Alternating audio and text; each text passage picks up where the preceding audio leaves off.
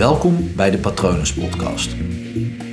Mijn naam is Paul Vet en in deze podcast deel ik inspiratie voor een leven vol vrijheid en verbinding.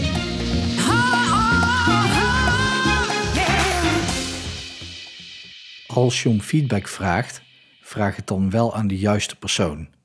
En dit is super, maar dan ook echt super belangrijk.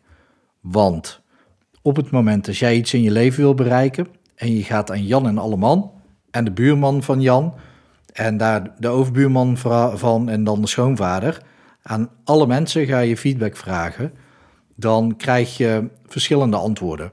En stel jij wil uh, feedback over um, X en je vraagt feedback aan iedereen, dan krijg je dus uh, van iedereen te horen, of tenminste van de een krijg je te horen ga linksaf, van de andere ga rechtsaf, van de ander ga achteruit, van de ander ga vooruit, van de ander bekijk eens binnenste buiten, uh, van de ander misschien moet je teruggaan in de tijd, hey, begin, begin, kijk eens of dat je kan leren vliegen.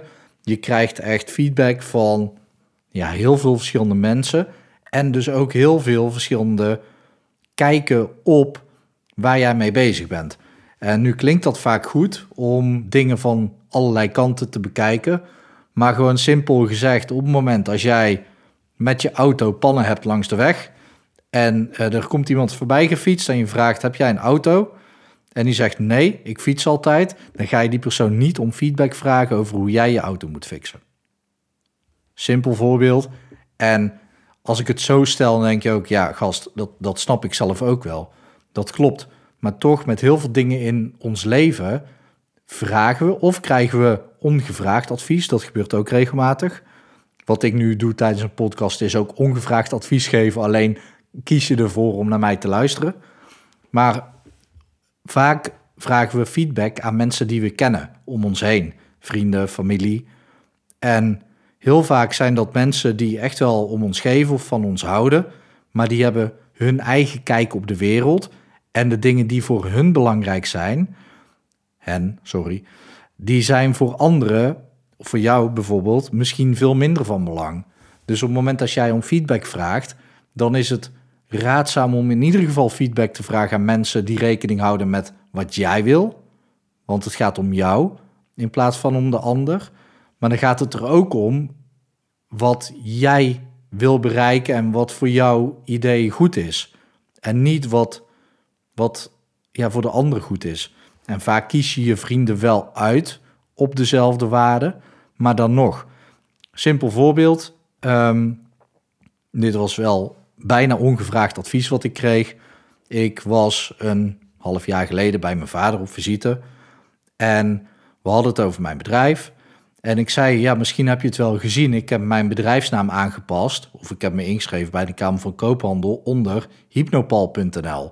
En ik zei dat niet om antwoord op te krijgen, maar in aanloop naar wat ik daarna wilde zeggen. En ik kreeg meteen de reactie: ja, daar vind ik nogal wat van, want. En ik gaf hem geen kans om daarop te reageren, want hij is niet de juiste persoon. Hij heeft geen eigen bedrijf.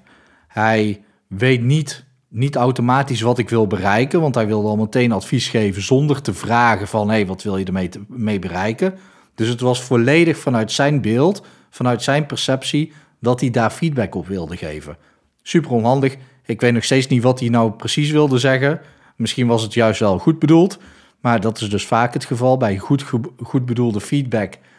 Ja, daar heb je niet altijd wat aan. Ander simpel voorbeeld. Ik vraag vandaag aan uh, op mijn andere Instagram-account, Paul Schrijft Fantasy.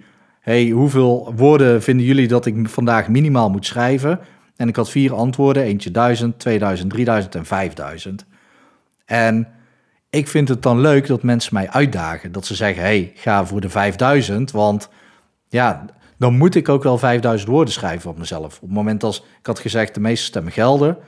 En dan weet ik, oké, misschien schrijf ik 5000, van die 5000 woorden schrijf ik misschien 3000 of 4000 woorden die goed zijn. Misschien wel minder. Maar als ik 1000 woorden schrijf, blijven er misschien wel 200 of 300 woorden over die goed zijn. Snap je? Dus ik vind het eh, dan juist tof als mensen me uitdagen.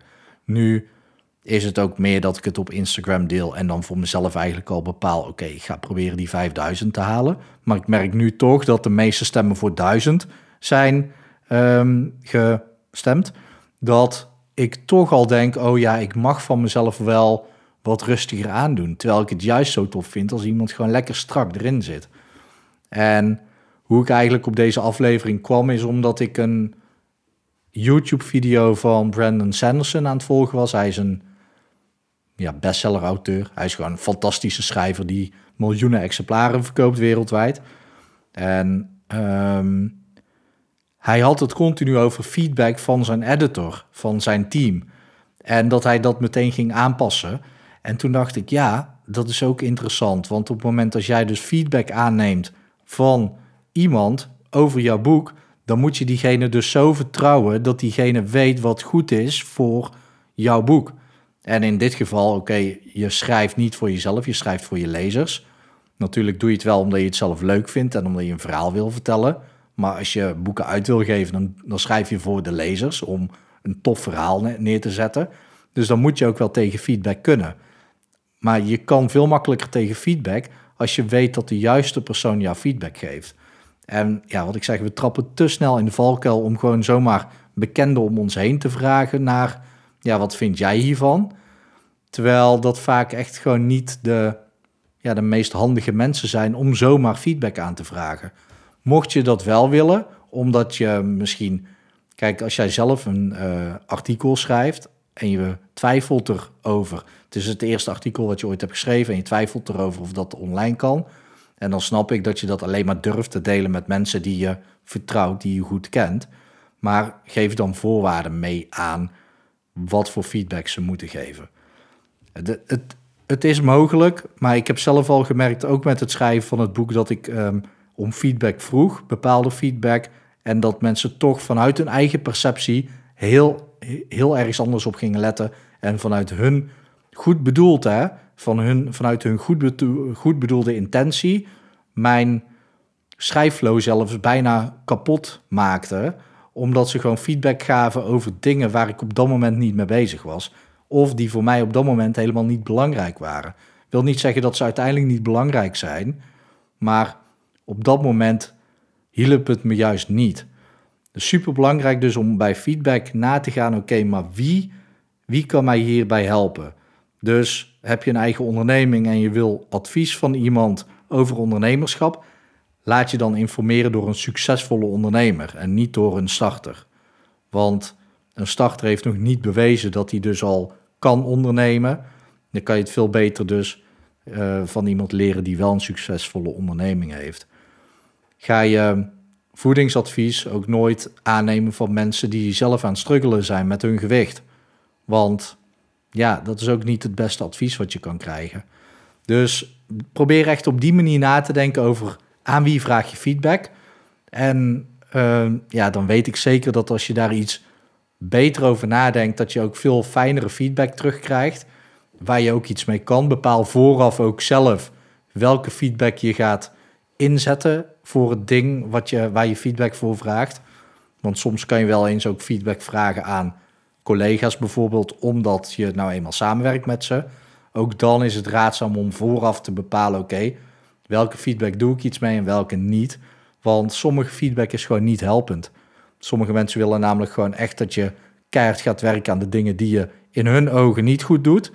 Terwijl dat misschien juist jouw kernkwaliteiten zijn en jij jouw kernkwaliteiten juist meer wil ontwikkelen. Goed, ik kan hier echt eh, lang over praten. Ik ben benieuwd hoe dat het met je gaat. Laat het me vooral even weten via patronenzetpalvet.com. Vind ik leuk. Uh, mocht je ergens tegenaan lopen, kijk op www.hypnopal.nl om te zien wat ik voor je kan doen. En mocht je het leuk vinden om op Instagram te volgen, dan kan je me vinden onder, kan je me vinden onder hypnopal.nl. Ik wil er automatisch www voor zetten, maar dat is uh, op mijn Instagram-account niet het geval. hypnopal.nl is het daar. Goed, ik hoop dat het goed met je gaat. Ik hoop dat het ook goed gaat met dierbaren van je. En ik wens je nog een hele mooie dag toe.